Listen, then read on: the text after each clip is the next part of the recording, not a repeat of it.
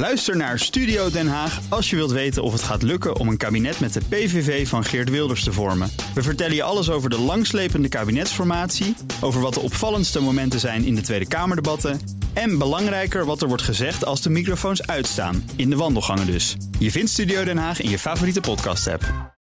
Blijf scherp. BNR Nieuwsradio. BNR breekt. Ivan Verrips. Goedemorgen en welkom. Vanaf half twaalf praat ik over het nieuws van de dag. Over bieden op koophuizen. Dat zou eh, niet eerlijk en transparant gaan. En dat moet wel gaan gebeuren met een eh, biedboek. En over een waarschuwing van economen. Tekorten op de arbeidsmarkt. Nou, die kunnen nog vele jaren gaan duren. Ga ik over praten met mijn panelleden. Vandaag Amma Boaheme, voorzitter van de Landelijke Studentenvakbond. En Piet Rietman, hij is econoom bij het Economisch Bureau van ABN AMRO. Goedemorgen allebei. Goedemorgen. Hey, goedemorgen. We gaan beginnen met... BNR breekt. Breekijzer. Ons breekijzer is vandaag. We moeten nu vol inzetten op boosterprikken om corona weer onder controle te krijgen. In landen om ons heen zijn ze daar al volop mee bezig. Hier komen de eerste 80-plussers vanaf 6 december pas een keer aan de beurt. Zorgbestuurders van verpleeghuizen die laten al weten niet zo lang te kunnen wachten. En dat mensen inmiddels alweer op hun kamers zitten opgesloten. Intussen hebben ook uh, niet kwetsbare mensen misschien wel een booster nodig. Um, in Oostenrijk bijvoorbeeld is je QR-code vanaf volgend jaar nog maar 9 maanden geldig. Dus iedereen die al vroeg is gevaccineerd... kan dan niet meer op skivakantie. Beetje first world problems, maar toch. Tenzij je dus een booster hebt. Maar ja, kom je daar op tijd voor in aanmerking. En trouwens, één Janssen-vaccin is daar vanaf 2 januari helemaal niet meer geldig. Oftewel, moeten wij nu gaan uh, inzetten vol op die boosterprik? Of denk je, ja, weet je, dit is allemaal toch weer misschien een beetje valse hoop. Die eerste twee prikken hebben ook niet echt gebracht... wat ik ervan gedacht of gehoopt had. Wil je meepraten? Pak dan je telefoon en bel naar 020 468 4 keer 0 020 468 4 keer 0 Ik hoor graag van je. Wil je niet bellen, maar wel stemmen? Doe dat dan in de stories van BNR Nieuwsradio op Instagram. Aan het einde van het half uur krijg je een tussenstandje van me. Uh, ik praat ook met Ger Rijkers, immunoloog bij het Elisabeth II Steden Ziekenhuis in Tilburg. Goedemorgen, Ger. Goedemorgen. Eerst maar eventjes uh, kort de terminologie. Want het gaat over boosterprikken hier. Maar je hebt ook verhalen over derde prikken. Is dat nou precies hetzelfde? Hoe zit dat? In dit geval is dat precies hetzelfde. Um, in het Rijksvaccinatieprogramma wat we um, uh, aanbieden aan, uh, aan pasgeborenen. Uh, daar heb je een, een eerste serie -hmm. op de vroege leeftijd, 2, 3, 4 maanden. En de booster komt dan pas op de leeftijd van 4 jaar. -hmm. Dus dat is een paar jaar later. Um, in wezen is dat uh, dan de vierde prik. Dus hier kunnen we zeggen, die derde prik, dat is hetzelfde als een boostervaccinatie. Ja, nou, fijn, hebben we dat even uit de wereld geholpen. Uh, de Gezondheidsraad die raadt hem aan voor 80-plussers, voor 60-plussers en voor risicogroepen. Ja. Maar demissionair minister De Jong heeft al gezegd, hij komt ook beschikbaar voor eigenlijk iedereen die dat wil, net als in andere ja. landen. Wat is wat jou betreft wijsheid? Moet je dat doen als, um, ook als 40-jarige of als 30-jarige, als dat ding beschikbaar komt? Nou, ik vind uh, ten eerste, uh, uh, de minister heeft op 15 oktober advies gevraagd aan de Gezondheidsraad. Die hebben met recordsnelheid, in ieder geval voor Gezondheidsraad begrippen, met recordsnelheid hebben die een antwoord gegeven, twee weken later. Ik vind niet dat je het je nu kunt permitteren om dan te gaan treuzelen met het opvoeren, het opvolgen van dat advies. -hmm.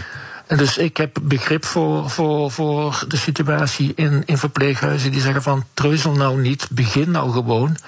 Um, er is voldoende vaccin. En uh, ik ga natuurlijk niet over de logistieke organisatie, maar ik denk dat iedereen daar wel uit kan komen. Ja. Um, voor uh, uh, de mensen onder de 60 is er eigenlijk nog geen, geen, geen reden om dat nu op stel en sprong te doen. Um, als je daardoor uh, niet uh, uh, kunt gaan skiën in Oostenrijk in januari, mm -hmm. dan is dat wel een argument, maar vind ik dat niet een, een, uit medisch oogpunt een hoogst urgent argument. Nee, dat begrijp ik. Uh, we gaan er zo even verder over praten. ik ga een kort rondje bij mijn panel doen. Dan gaan we zo even eventjes wat details uitdiepen.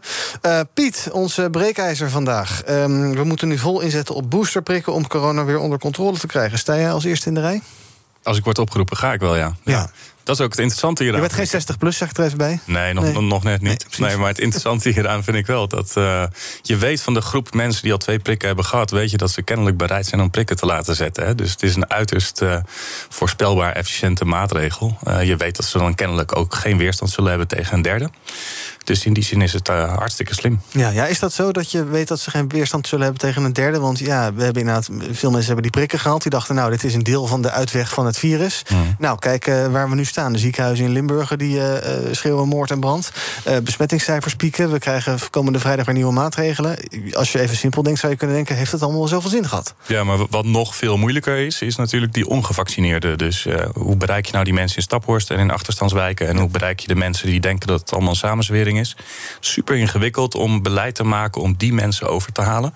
En hiervan weet je dat mensen waarschijnlijk in de rij zullen gaan staan voor die prik. Ja, dus jij zegt vol inzetten. Uh, Amma, uh, ons breekijzer, we moeten nu vol inzetten op boosterprikken om corona weer onder controle te krijgen. Wat vind jij? Nou, ik denk vooral als je die verhalen hoort van mensen, oude mensen in verpleeghuizen die kwetsbaar zijn en die zo'n prik eh, eigenlijk gewoon nodig hebben om veilig te zijn, denk ik heel goed als je daar in ieder geval op inzet. Mhm. Maar ik deel ook wel de zorgen over de groep mensen die zich nu niet heeft laten vaccineren. En als je nu bijvoorbeeld straks eisen gaat stellen dat iedereen elke zoveel maanden een nieuwe prik moet krijgen, eh, dan, dan drijf je die groep waarschijnlijk eh, alleen maar verder van je af. En misschien ook wel de mensen die zich nu wel twee keer hebben laten vaccineren, maar ook zich er niet prettig bij voelen om dat te blijven herhalen. Dus ik zou zeggen voor nu goed als het het wel een keuze blijft of je het wil doen of niet. Ja, dat begrijp ik. Ik ga een rondje bellers doen. Daarna gaan we nog wat zaken aan Ger voorleggen. Kijken hoe onze luisteraars hierover denken. Rogier, goedemorgen. Ja, goedemorgen Ivan. Uh, ik uh, had even de vraag: weet jij dat Rutte tijdens die conferentie in Glasgow zonder mondkapje zat?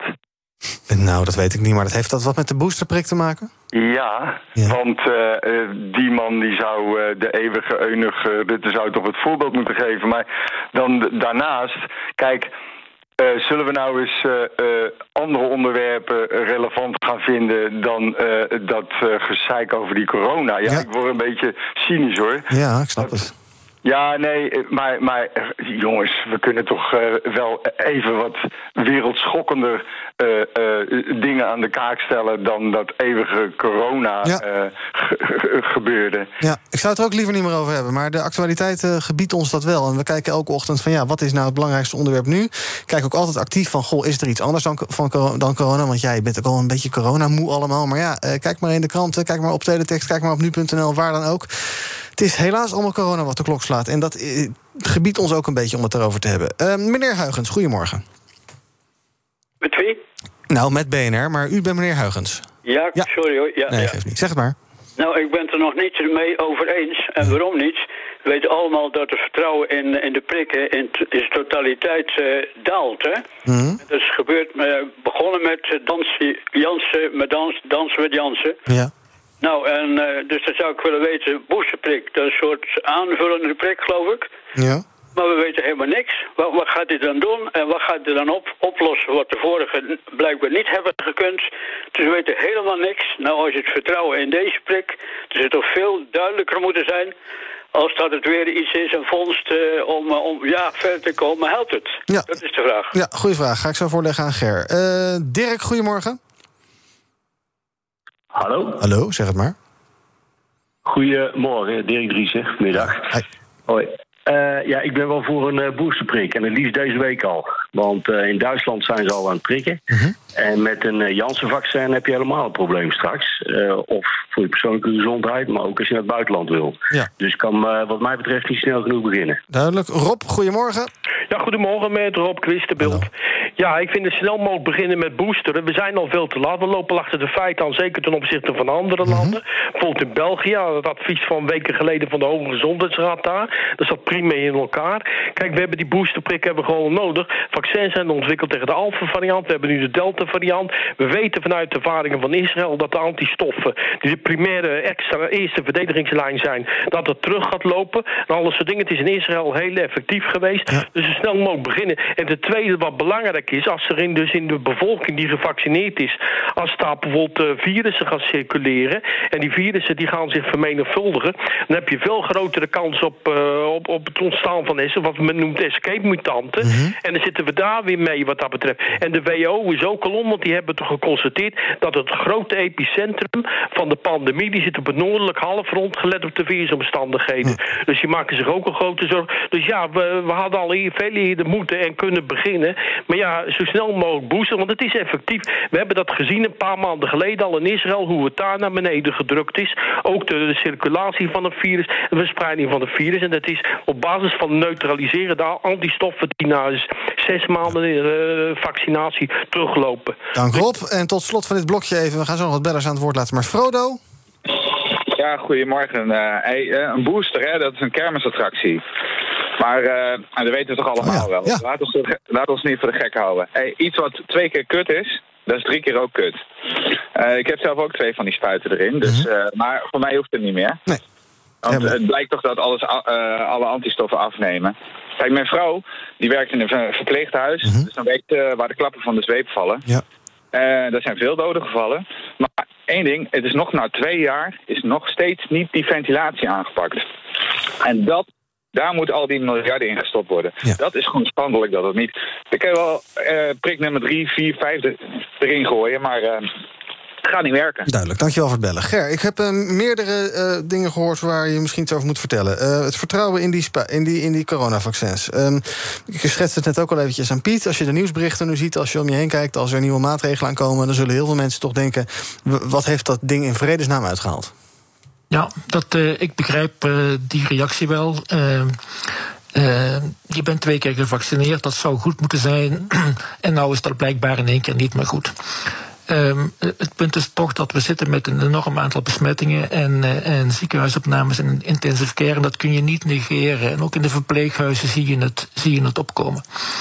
Um, we moeten toch één jaar terug naar de geschiedenis. Mm -hmm. Toen uh, kwamen, waren de eerste resultaten van mensen, deelnemers aan de fase 3-studies, die twee keer waren gevaccineerd. En die werden uh, drie maanden lang gevolgd en die waren prima beschermd tegen uh, virusinfectie. Um, op grond daarvan heeft de hele wereld gezegd: we gaan twee keer vaccineren. Maar nu zijn we verder dan drie maanden na de tweede vaccinatie. We zijn een half jaar verder. En dan zien we dat in risicogroepen, met name in de ouderen, eh, de bescherming toch wat afneemt. Alle reden om dus een derde dosis te geven. Betekent dat dan, he, kun je zeggen van dat het ook vier, vijf, zes, zeven keer moet? Hm. Ja, dat, dat, dat, dat weten we niet. Eén man die zei, we weten niks. Nou, daar ben ik niet mee eens. Maar dat we niet alles weten, daar ben ik het wel helemaal mee eens. Uh, we gaan moeten zien hoe lang zo'n derde dosis straks bescherming geeft. Hopelijk de hele winter en het voorjaar. Hm. En dan krijgen we een nieuwe zomer en de meeste coronavirus houden zich dan rustig. Ja. En dan moeten we precies kijken van hoe zal het in het najaar van uh, 2022, hoe zal het gaan? Misschien is het nodig om dan weer een extra dosis te geven. Allemaal dat zou, allemaal dat zou samen kunnen met de griepvaccinatie. Ja, allemaal als ik Ger zo hoor, dan blijft het wel een beetje aanmodderen, zeg. Tering. Ja, het is een beetje om moedeloos van te worden. Hè? Dat je, je, hoop, je, we hoopten er met die twee prikken al vanaf te zijn en dat blijkt niet zo te zijn. Maar aan de andere kant eh, voelt het ook wel als iets wat we gewoon moeten gaan accepteren dat corona erbij gaat horen. En moeten we een weg vinden om daarmee om te gaan, denk ik. Ja. Uh, Ger, eh, net wat Piet zei, die zei ja, misschien mensen die niet gevaccineerd zijn, dat is een veel groter probleem dan mensen die nu een derde prik gaan krijgen. Uh, deel jij dat? Is dat inderdaad zo? Dat is ook een veel groter probleem. Omdat de niet gevaccineerden, eh, die hebben de grootste kans om echt ziek te worden van de infectie.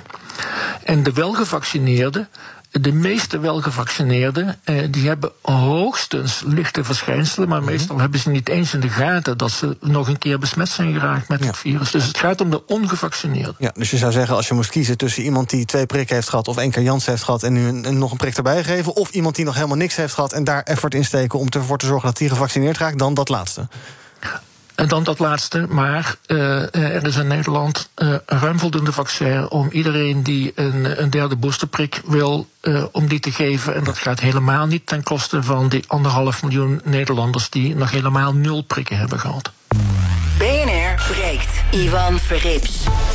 Met in mijn panel Amma Bouwahema van de Landelijke Studentenvakbond... Piet Rietman, econoom bij ABN AMRO... en immunoloog Ger Rijkers. We praten over ons breekijzer. We moeten nu vol inzetten op boosterprikken... om corona weer onder controle te krijgen. Wil je reageren? Pak dan je telefoon en bel naar 020 468 4 keer 0 020 468 4 keer 0 En stemmen op ons breekijzer kan ook via de stories... van BNR Nieuwsradio op Instagram.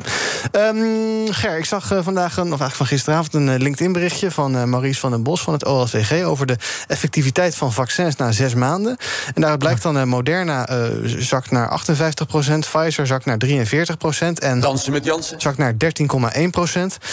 Um, 850.000 mensen hebben die Janssen-prik gekregen in ons land, waaronder veel jongeren, waaronder veel zorgmedewerkers. Is het Nederlandse wonder dan toch niet zo heel bijzonder? Nou, uh, uh, het verhaal van Janssen is als volgt. Um, de studie die is gedaan met het Janssen-vaccin, dat was één dosis. En dat gaf een, een mooie bescherming, maar een stuk minder dan, dan Pfizer en Moderna. Een stuk minder. En het blijkt ook uit studies die daarna zijn gedaan dat twee keer Janssen veel beter is. Maar ja, het is geadverteerd als één keer is voldoende. Mm-hmm. En dat is blijkbaar niet zo. En ik voel dus wel mee met Oostenrijk. Die zeggen van ja, als je nou een jaar geleden één keer Janssen hebt gehad, dat vinden we niet volledig gevaccineerd. Dat is, mm-hmm. dat is ook niet volledig gevaccineerd. Dus het lijkt mij redelijk om, om te zeggen dat als je één keer Janssen hebt gehad, ja. dat het toch raadzaam is om een tweede dosis te krijgen. En dat mag dan best met Pfizer. Ja, ik had al bedacht een nieuwe slogan: dansen met Janssen, wijzer met Pfizer. Dat is misschien leuker. Ja, nou, dat zou heel mooi zijn. Ja. Piet, ben jij een dansen met Janssen, dat, was, uh, dat vond ik uh, niet slim hoor van, uh, van de minister om nee. te doen alsof je één dag na vaccinatie al beschermd bent. Dat kan helemaal niet. Piet, ben jij een beetje een wintersporter? Ja, best wel. Maar ik vind het wel eng uh, nu eigenlijk. Zeker ook dat. Oostenrijk ook of Italië? Ja, of, maar uh... daar is het allemaal begonnen ook. Hè, ja, hoe dat virus naar Nederland kwam. Dat was Engeland. Ja, ja, hartstikke eng. Ook uit het verleden. Ja, uh, maar zou jij een, een, derde vaccin nemen om die reden? Of zou je zeggen, nou, ik neem een derde vaccin vanwege de gezondheidsredenen? En nou. niet zozeer dat je dan in februari lekker kan skiën met. Dat is, wel een, dat is wel een luxe probleem. Nee, ik zou gewoon, als ik word opgeroepen, dan ga ik. Want ja. uh, er zijn heel veel wetenschappers die erover nadenken of dat een goed moment is om het mm-hmm. aan uh, mensen aan te bieden. En als dat dan wordt aangeboden, ga ik ervan uit dat het goed is. Ja, we gaan ook even luisteren naar onze grote roerganger, demissionair coronaminister Hugo de Jonge. Die kreeg gisteren in Nieuwsuur de vraag of we niet te laat zijn met die boosterprik. Eigenlijk waar wij het nu ook over hebben. Uh, nou, luister even allemaal mee. Dan hoor ik graag of jullie er zo meteen chocola van kunnen maken. Nee, we zijn echt uit voorzorg dienen we die boosterprik toe. Voordat de daadwerkelijke afname van immuniteit zichtbaar is tegen ernstige ziekte of ziekenhuisopname. Dat zegt ook de Gezondheidsraad. De Gezondheidsraad zegt ook: het is niet een instrument om uh, de vierde golf tegen te gaan. Dat is het niet. Uh, het, het, is wel nodig om op tijd te zijn met die boosterprik. Maar op tijd betekent voordat je daadwerkelijk ziet dat er afname is van bescherming tegen ernstige ziekte of ziekenhuisopname. Ja, is dit voor jou helemaal logisch, uh, Ger? Nou, niet helemaal. Het punt is dat niemand weet hoeveel antistoffen je nou precies nodig hebt om beschermd te zijn. Ja. Dat, dat, dat, is helaas zo. We kunnen daar geen, geen, geen drempelwaarde voor aangeven. Um, maar als je kijkt, um, en dat zijn getallen uit, uit Engeland, mm-hmm. bij 70-plussers, en dat is eind september, dus dat is toch alweer even geleden, dat bij 70-plussers zijn in Engeland voor 99% gevaccineerd, echt 99%, en 86% heeft antistoffen. Ja. Dus dat is minder. Ja. Um, en dat is niet zo bij, bij, bij 40 tot 60-jarigen, daar is dat gewoon gelijk, mm-hmm. maar wel bij ouderen. Dus ouderen die, die, die zijn kwetsbaarder. Um, en vaccineren is vooruitzien en ook booster vaccineren is vooruitzien. Als je gaat wachten tot echt uh, het, uh, de immuniteit nog verder is afgenomen. Mm-hmm. Ja, dan ben je te laat om met je campagne te starten. Ja. Uh, nog een paar bellers tot slot van dit half uurtje. Um, Fred, goedemorgen. Goedemorgen met Fred van der Laar. Zeg het maar. Ik vind dat uh, er te veel nadruk wordt gelegd op die boosterprik. Uh-huh. Als iemand dat wenst, ik denk dan aan de kwetsbaren, is dat prima. Maar als je goed kijkt naar de verspreidingswijze van het coronavirus, dat, dat uh, heeft gelijke tred met uh, het griepvirus. Uh, dus het behoort tot de groep van de adenovirussen. En dat weet de geachte heer ook, die net mhm. heeft gesproken. Rijkers, ja. De verspreidingswijze is hetzelfde als het griepvirus. Dus moet je de basisregels toepassen en handhaven, mondkapje dragen, anderhalve meter afstand. En kwetsbaren die een boosterprik willen, graag. Maar op de eerste plaats moet je je richten op de ongevaccineerden. Want die zorgen dat het virus blijft circuleren in Nederland. Heb je straks de boostervirus, uh, boosterinjectie... Boostervirus? Ik hoop het toch niet? Dan, gaat het weer door, want die ongevaccineerden zitten daar te kijken. Duidelijk, dankjewel Fred voor het bellen. Uh, je zegt eerst inzet op de basismaatregelen... en niet gevaccineerde mensen alsnog prikken als ze dat willen. Um, Elze, goedemorgen. Hallo? Hallo? Eh, met Elze Rinalde, ja. Uh, ik had een hele leuke uitleg gehoord. waarom het voor mij helemaal duidelijk werd. dat we die derde prik moeten halen. Ja. En dat is een vergelijking met het korte en lange termijn geheugen. Dus dat maakt het voor mij eindelijk duidelijk. Uh -huh. als je de eerste twee vaccins hebt gehad, die zou je kunnen vergelijken. Uh, nou ja, ik, wat, eigenlijk bedoel ik. Sorry voor mijn onduidelijkheid. Nee, geeft niet. de, de booster is eigenlijk te vergelijken met het korte termijn geheugen. Mhm. En die is uitgewerkt, kan je zeggen. En dan kan je dus met de boosterprik kan je dat weer opfrissen. Terwijl die andere prik zorgt dat we niet doodgaan. Die andere twee vaccins. Dit, dat is het lange geheugen. Ja, dus dat is een beetje... een beetje duidelijk? Nee, dat is een beetje de analogie die jij aanhoudt... zodat het voor jou begrijpelijk is. Heel goed. Uh, tot slot van het half uur. Claudia, goedemorgen. Claudia? Hallo? Claudia? Claudia is er niet. Claudia is er niet. Claudia! Ja, ja zeg het er. Hallo. Hoi. um, ik ben in de uitzending, toch? Jazeker. Ja, uh, ik ben het er um, deels mee eens en deels niet mee eens. Het is een mhm. beetje een middenweg. Dat heeft te maken met dat uh, iedereen wil zo graag een uh, derde booster. Ik begrijp het voor de zwakkeren in de samenleving en voor de ouderen. Daar vind ik het wel belangrijk voor. Mm maar um, men kijkt, um, bijvoorbeeld in de dierenwereld, zijn we erachter gekomen dat we naar heel veel enten, elk jaar je kat of je hond gaan enten, dat daar heel veel auto-immuunziektes van komen. En uh, allerlei andere ziektes. Daar zijn ze het nu aan het omdraaien. Ze zijn nu aan het titeren om een druppeltje bloed uh, af te nemen bij zo'n dier. Om te kijken hoeveel antistoffen die nog heeft van zo'n vaccin. En ja, wij vragen wel heel makkelijk van, oh, doe nog maar een derde spuit erin. En dat vind ik toch wel een beetje eng eigenlijk op, uh, op lange termijn. Laat ik het zomaar zeggen. Nou, laat ik dat laatste even kort voorleggen aan Ger. En daarna gaan we het half uurtje afronden. Ger, zit er iets in wat Claudia zegt? Uh, dat uh, met uh, auto-immuunziekte, dat ben ik niet met haar eens. Maar wel dat het in ieder geval theoretisch goed zou zijn om te weten, mensen die gevaccineerd zijn, hebben ze antistoffen. Ja. En als de antistoffen te laag zijn, dan zou je dat een reden zijn voor, voor de boostervaccinatie. Maar dat betekent dat je miljoenen mensen eh, zou, bloed zou moeten afnemen en, en antistoffen meten. Dat is niet heel praktisch. Maar in de ideale wereld, ja. Duidelijk. En, die en misschien tenslotte over dat korte en lange termijn geheugen. Mhm. Ik, uh, uh, voor mijn studenten leg ik het altijd als volgt uit. Je hebt in het verleden heb je een, een liedje ooit op de radio gehoord en je denkt dat je de tekst kent, maar je bent het een beetje vergeten. En als je het dan nog een keer hoort, hè, als je Het is een nacht van Guus Meeuws nog een keer hoort, mhm. dan ken je meteen weer de hele tekst.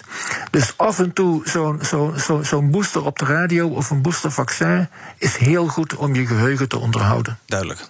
Ik wilde nog eigenlijk vraag stellen over carnaval. Ik bedenk nu Tilburg, Elisabeth Tweede Stedenziekenhuis. Moeten we dat door laten gaan of maar gewoon helemaal mee stoppen, Ger? Uh, ik ben, ben, bang voor, voor grote massabijeenkomsten zoals bij, bij carnaval. Ik denk dat je dat beter niet kunt doen. En als je het doet in een hele kleine kring. Dank Ger Rijkers, immunoloog bij het Elisabeth II Steden ziekenhuis. En op onze Instagram-pagina uh, is men verdeeld. Um, 54% is het oneens met de stelling. Die zegt, nou, we hoeven niet per se vol in te zetten. 46% denkt van wel.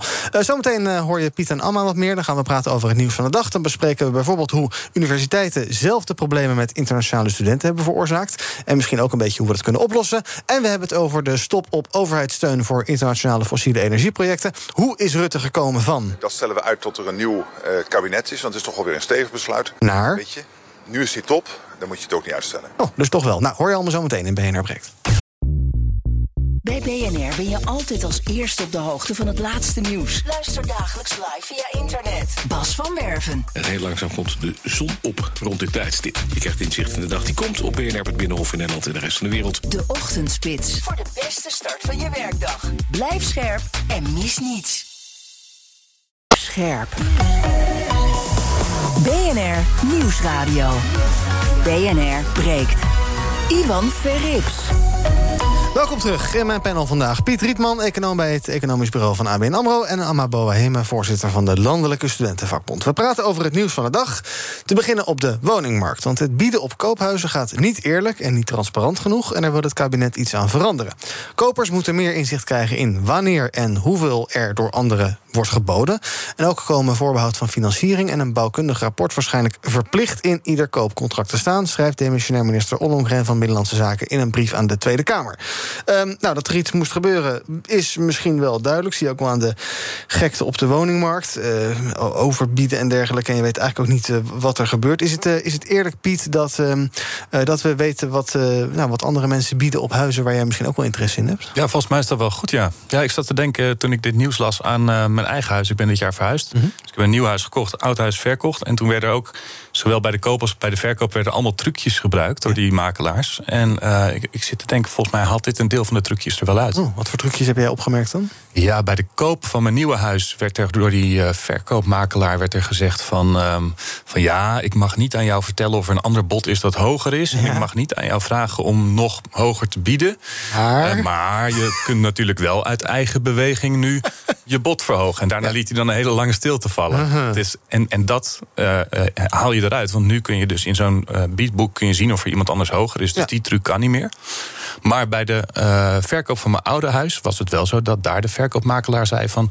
Goh Piet, ik raad je aan om het uh, tweede bod te nemen. Niet het hoogste, maar het tweede. Ja, ja. Want die hoogste, ja, dan, dan win je 6000 euro. Maar ik vertrouw die vent niet. Want uh, volgens mij gaat hij klagen over achterstallig onderhoud. Aha. Dus ik zou maar gewoon het tweede bod pakken. En ja, ik kan niet verifiëren of dat wantrouwen terecht is. Of dat uh, zij gewoon bevriend zijn met die aankoopmakelaar. Ja. Dus dat weet je niet. En in het nieuwe systeem met het biepboek, biepboek dat nu door Ollengren wordt voorgesteld. Aha. Ja, dan, dan kun je nog steeds uh, niet zeker weten of dat verhaal van je makelaar klopt. Nee, en heb je wel beide adviezen van beide makelaars opgevolgd? Ik heb ze beide opgevolgd. Ja, dat dacht ik al. Oh, maar is dit een goede stap? Om uh, nou ja, die woningmarkt inderdaad wat eerder, eerlijker te maken. Ook misschien om studenten een wat uh, eerlijker en beter toekomstperspectief te geven. Want het is daar natuurlijk een gekkenhuis op die markt. Ja, het is denk ik wel een goede eerste stap om te nemen. Maar of het ook echt uh, het verschil gaat maken voor jonge mensen die nu een huis willen kopen, voor studenten die straks een huis willen kopen, dat vraag ik me wel af. Mm -hmm. De prijs zal er waarschijnlijk wel wat door gedrukt worden. Um, maar goed, als de prijzen een beetje vergelijkbaar blijven met wat ze nu zijn, dan wordt het voor jonge mensen natuurlijk alsnog eigenlijk bijna onmogelijk om een huis te kopen. Ja.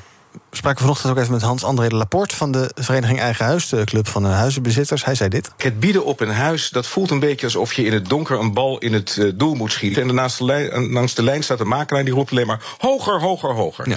En uh, daar, gaat het echt, daar gaat het echt helemaal mis. Ja, dus dat is ook een beetje wat jij uh, ja, ervaarde, Piet. Dat er veel wordt gemarchandeerd misschien. andere maatregelen die zij, zij dus voorstelt... voorbehoud van financiering verplicht stellen... bouwkundige keuring verplicht stellen. Want nu in deze gekke huismarkt uh, halen mensen dat er vaak uit om maar snel een huis te kopen. En dan denk je, nou ja, dan uh, kunnen we lekker opschieten. Is het verstandig om ook daar wat zekerheid en een beetje saaiigheid in te bouwen? Ja, tuurlijk. Um, dat zijn allemaal maatregelen die een beetje de gekte uit de markt halen en het proces ietsje eerlijker of ietsje transparanter maken. Mm -hmm. Het zijn wel allemaal, ik vind het wel allemaal uh, maatregelen van het type.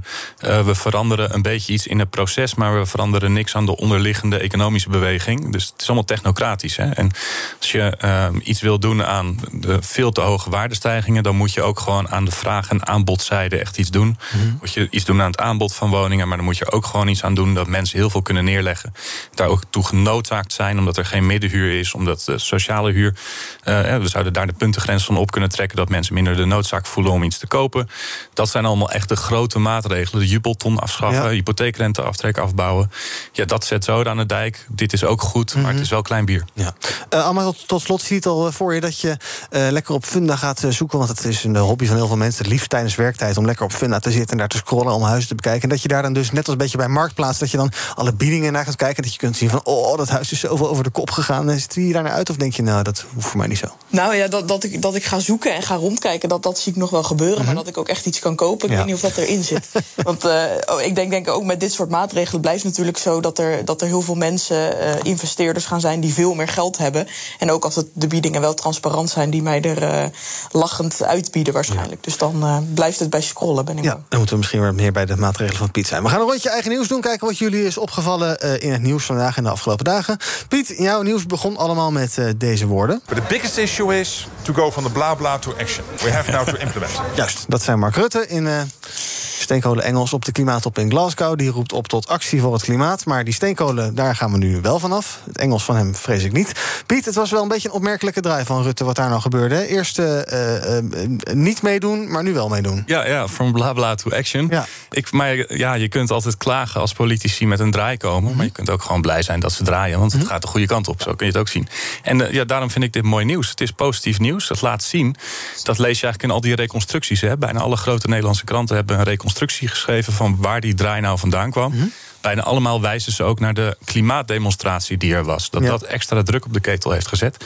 Dus ja, de, de afdronk hiervan is toch ook wel dat demonstreren werkt. En dat vind ik weer heel leuk. Ja, en jij nam een artikel mee uit het Algemeen Dagblad. Het gaat over twee mensen, twee dertigers, 31 en 30 zijn ze. Uh, Niels Hazekamp en Laurie van den Burg. Dat, die ken ik niet. Uh, wie, wie zijn dat? Weet ik ook niet. Oh. maar het ging om een. Uh, in, in de reconstructie van het Algemeen Dagblad kun je heel erg mooi zien. hoe nou uiteindelijk alle stappen uh, hebben geleid. Ja. Tot, uh, tot, tot deze draai op klimaatgebied. Ja, en dan spelen eigenlijk heel veel mensen een rol. Het zijn zeg maar de mensen die demonstreren. Mm -hmm. Maar het zijn ook ambtenaren die op zo'n top even in het uh, heetst van de strijd een advies geven dat uh, Nederland helpt de goede richting op gaan. En zo uh, speelt eigenlijk iedereen zo'n rol in het bestrijden van klimaatverandering en in het beleid de goede kant op krijgen. Ja, het zegt dus ook dat je als relatief onbekend iemand die misschien niet zoveel te, te, zeggen heeft in deze wereld, dat je dus ook met z'n allen wel een, een, vuist kan maken. Alma, Piet zegt ook, ja, het maakt me eigenlijk niet zoveel uit nou ja, dat die draai gemaakt is. Er waren vijf dagen voor nodig. Maar uiteindelijk fijn dat dat toch gebeurd is. Het daarmee eens? Uh, ja, ik ben zeker blij dat het gebeurd is. Uh, en, en ook wel opgelucht, want de verwachtingen van, van Rutte op zijn klimaatop zijn bij mij niet zo heel hoog. Mm -hmm. Maar je ziet inderdaad wat, wat Piet ook zegt, dat actievoeren werkt. Ik was zaterdag ook bij de Klimaatmars en het was zo'n enorme stoet mensen. Um, en er wordt wel eens gevraagd of dat dan zin heeft om, om de straat op te gaan en te protesteren. Maar je ziet wel dat we toch druk kunnen zetten op die manier op de politiek. En dat er wel stappen genomen worden die uiteindelijk echt nodig zijn om iets aan het klimaat uh, te doen. Ja, want jij denkt ook wel dat Rutte dan om zich heen kijkt in dit soort gevallen... en dan na een tijdje denkt van ja, dit is toch niet echt helemaal goed vol te houden... wat, uh, wat ik hier eerst besloten heb. Alma. Ik hoorde je even niet meer. Oh, sorry. Ik zei, jij denkt ook dat Rutte dan om zich heen kijkt... en dan die demonstranten ziet en uh, Kamerleden ziet die zich opwinden... en dan ook denkt na een tijdje van nou ja, uh, dit is toch niet helemaal vol te houden... dit standpunt om niet mee te doen. Ja, nou, dat denk ik wel. Ja. ja. je ziet, dat is denk ik een trend die je door de jaren heen wel hebt gezien. Dat de VVD is niet van oudsher de partij die het meest voor het klimaat in de bres springt. Maar omdat mensen toch steeds er zoveel lawaai over maken en de straat erover opgaan, moet die wel. Alright. Alma, jij wilde het hebben over een column uit de Volkskrant. Die gaat over de grote toestroom van buitenlandse studenten in uh, Nederland. Uh, ik geloof dat nu zo'n uh, 80.000 buitenlandse studenten in Nederland zijn. 23 procent van het totaal. Um, lang verhaal kort. Um, ja, ik krijg eigenlijk het idee dat Nederland als onderwijsland... een beetje aan zijn eigen succes ten onder is gegaan. Of kan je dat zo zeggen? Um, ja, kan je wel zeggen. Ik weet ook niet of ik Nederland, Nederland nog het onderwijsland Nee. zou noemen. Want zo, zo goed is het voor studenten al, al lang niet meer. En Mhm. ook voor, voor docenten trouwens ook niet. Um, en inderdaad, er zijn gigantisch veel internationale studenten die, die elk jaar naar Nederland komen om hier te studeren. En die eigenlijk um, ja, van een koude kermis thuiskomen. Want er, zijn hier, er is hier te weinig, we kunnen ze te weinig bieden. Zeker als het gaat over huisvesting. Dan betekent dat voor internationale studenten vaak in een noodopvang slapen, in een heel duur hostel slapen. Uh, of, of na verloop van tijd zelfs weer terug moeten uh, naar het land waar je vandaan bent gekomen, omdat je hier gewoon geen woonplek kan vinden. Uh, en die trend zie je eigenlijk elk jaar zich herhalen. En, en universiteiten die, die, zeggen, die zeggen nu dat ze in de problemen komen en die willen meer handvaten om, om uh, ja, om dat het uh, hoofd te bieden. Ja. Maar wat wij eigenlijk zien is dat universiteiten zelf ook niet genoeg doen om die internationale studenten te waarschuwen. En dat ze ook zelf meer verantwoordelijkheid daarin zouden moeten nemen. Maar waarom komen die studenten dan nog als het eigenlijk misschien toch niet zo best hier meer is? Ja, omdat ze het vaak niet weten. Mm. Uh, je gaat ervan uit als je ergens gaat studeren uh, dat je dan ook wel een plek vindt om te wonen. In heel veel andere landen is het ook zo dat je bijvoorbeeld uh, huisvesting ook echt op de campus hebt. Dus dat is wat je, ja, je verwachting voor veel studenten ook is als je op uitwisseling gaat. En in Nederland is dat op een hele andere manier geregeld. Moet je het helemaal zelf uitzoeken. En is er een enorme woningcrisis, ook voor Nederlandse studenten, waar je dan als internationale student ook in terecht komt. Ja, laten we zo nog even verder praten. Ook over het gedeelte wat te maken heeft met de taal waarin onderwijs wordt gegeven in ons land. BNR breekt. Maar eerst leggen we even een verbinding met Hilversum. Want daar is Thomas van Zel. Ik zie hem staan op mijn scherm met een, voor een enorme groene wand. Uh, zaken doen is dus vanaf locatie. Waar ben jij? Nou, in Hilversum dus, maar waar precies en wat ga je doen? Nou ja, ik ben uh, op Powerhouse. Dat is een evenement van Van Spaandonk. En daar wordt kort gezegd eigenlijk uh, ondernemerschap gevierd. Veel ondernemers hebben het lastig gehad. Maar die uh, komen nu toch weer helemaal tot leven. Kunnen wel een boost gebruiken. En daarom zijn we bij het evenement Powerhouse. en ik hoorde net al voorbij komen, er is een woningcrisis. Nou, dat klopt natuurlijk. er wordt van alles aan gedaan. Het kabinet heeft nu bepaald dat er een log boek moet komen om het biedingsproces in kaart te brengen. Daarover praat ik met een uh, koepel van makelaars. Kijken of zij het ook zien zitten of toch niet. En mijn eerste gast is Marco Maassen. Hij vertegenwoordigt de branche van de bloemisten. Die hebben het relatief goed gehad tijdens die eerste coronagolf. Maar die moeten nu hopen dat ze ook zonder corona-toegangspas toegankelijk blijven voor iedereen die een boeketje wil kopen. En dat is nog geen gelopen race. Dus daar gaat het zo meteen over. Het beleggerspanel is er over alle strapatsen van Elon Musk. En we praten over over uh, ondernemerschap. Want het is voor veel Nederlanders aantrekkelijk om met een bedrijf te beginnen. Uh -huh. Dat wordt gewaardeerd. Maar als je dan te groot wordt en te succesvol wordt, ho, ho, ho, dat kan niet de bedoeling zijn. En dat zou wel eens een belemmering kunnen zijn om echt door te stoten naar een internationaal succes. Uh. Blijkt uit onderzoek van de Universiteit Utrecht. Dus daarover gaat het zo meteen allemaal vanuit Hilversum in BNR Zaken doen. Over 12 minuten op deze zender met Thomas van Zel. Zo is BNR breekt. Nog even allemaal over dat verhaal rondom die universiteiten en die buitenlandse studenten. Uh, Piet, is het, het, nou, we hebben al vaker besproken, investeren in onderwijs hartstikke goed. Uh, nou, Nederland onderwijsland was misschien ooit zo. Ik weet niet of dat nog zo is, maar die analyse die, moeten we maar een andere keer maken. Wat zegt jou dat er heel erg veel, dus zo'n 23% van de studenten niet Nederland, uit Nederland komt in ons land? Nou, dat, dat zegt iets over de kwaliteit van onze universiteiten. Uh -huh. Dus op zich is dat iets goeds.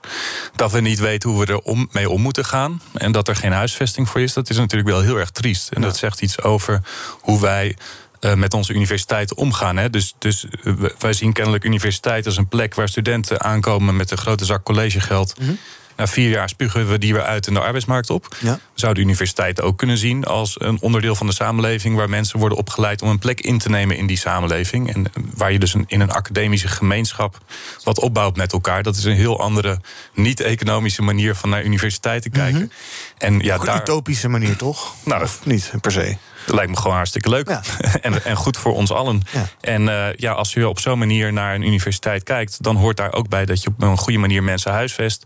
Dat, er, uh, dat je zorgt dat iedereen mee kan doen. Dat is een heel andere manier dan dat je buitenlandse studenten binnenhaalt voor geld... en dat je die na vier jaar weer dumpt. Ja. Dat je daar nooit meer wat van hoort. Ja, ja want die meeste internationals die vertrekken inderdaad ook weer naar hun studie. Uh, gaan zij weg omdat het hen hier niet bevalt? Of gaan zij weg omdat ze ergens anders betere kansen hebben... en denken ze, joh, middelvinger naar Nederland?